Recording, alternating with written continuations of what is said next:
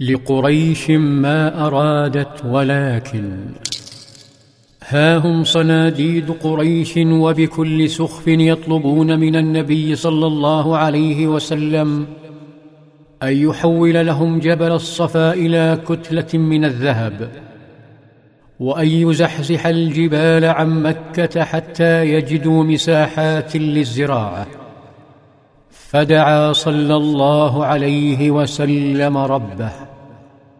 فنزل جبريل عليه السلام فقال إن ربك يقرأ عليك السلام ويقول لك إن شئت أصبح لهم الصفا ذهبا فمن كفر منهم بعد ذلك عذبته عذابا لا أعذبه أحدا من العالمين وإن شئت فتحت لهم أبواب التوبة والرحمة. تأمل عليه الصلاة والسلام في الخيارين. وما هو الأجمل لمكة؟ فأشرقت رحمته بصبيتهم املا أن يحملوا راية التوحيد بعد أن حمل آباؤهم راية العناد والأصنام. فقال لجبريل بل باب التوبة والرحمة.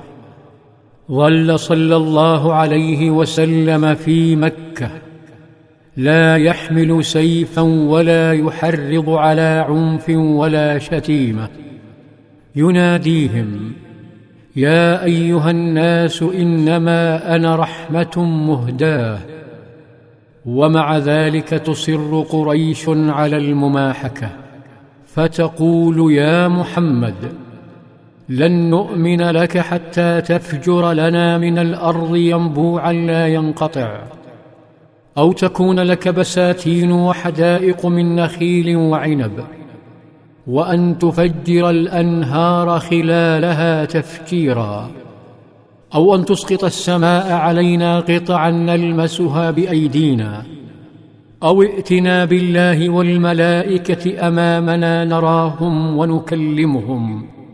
أو اجعل لك بيتا من ذهب أو ارتق في السماء وحتى لو صعدت أمامنا لن نؤمن أنك قد صعدت حتى تهبط ومعك كتاب نقرأه. سكت صلى الله عليه وسلم أمام هذه العقول الصغيرة العقول التي تشبه عقول اليهود عندما قالوا يا موسى لن نؤمن لك حتى نرى الله جهره وأوحى الله لنبيه صلى الله عليه وسلم أن يقول قل سبحان ربي هل كنت إلا بشرا رسولا. هذه هي حدودي وهذه هي دعوتي. فمن شاء فليؤمن ومن شاء فليكفر.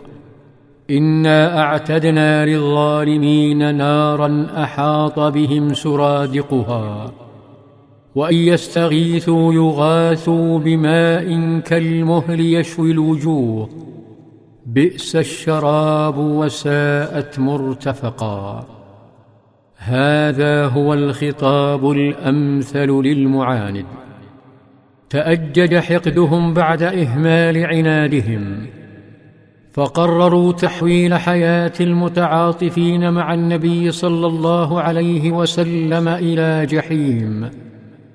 ففي مكان يقال له المحصب يقول صلى الله عليه وسلم إنهم تقاسموا على الكفر وذلك عندما تحالفت قريش وكنانة على بني هاشم وبني عبد المطلب.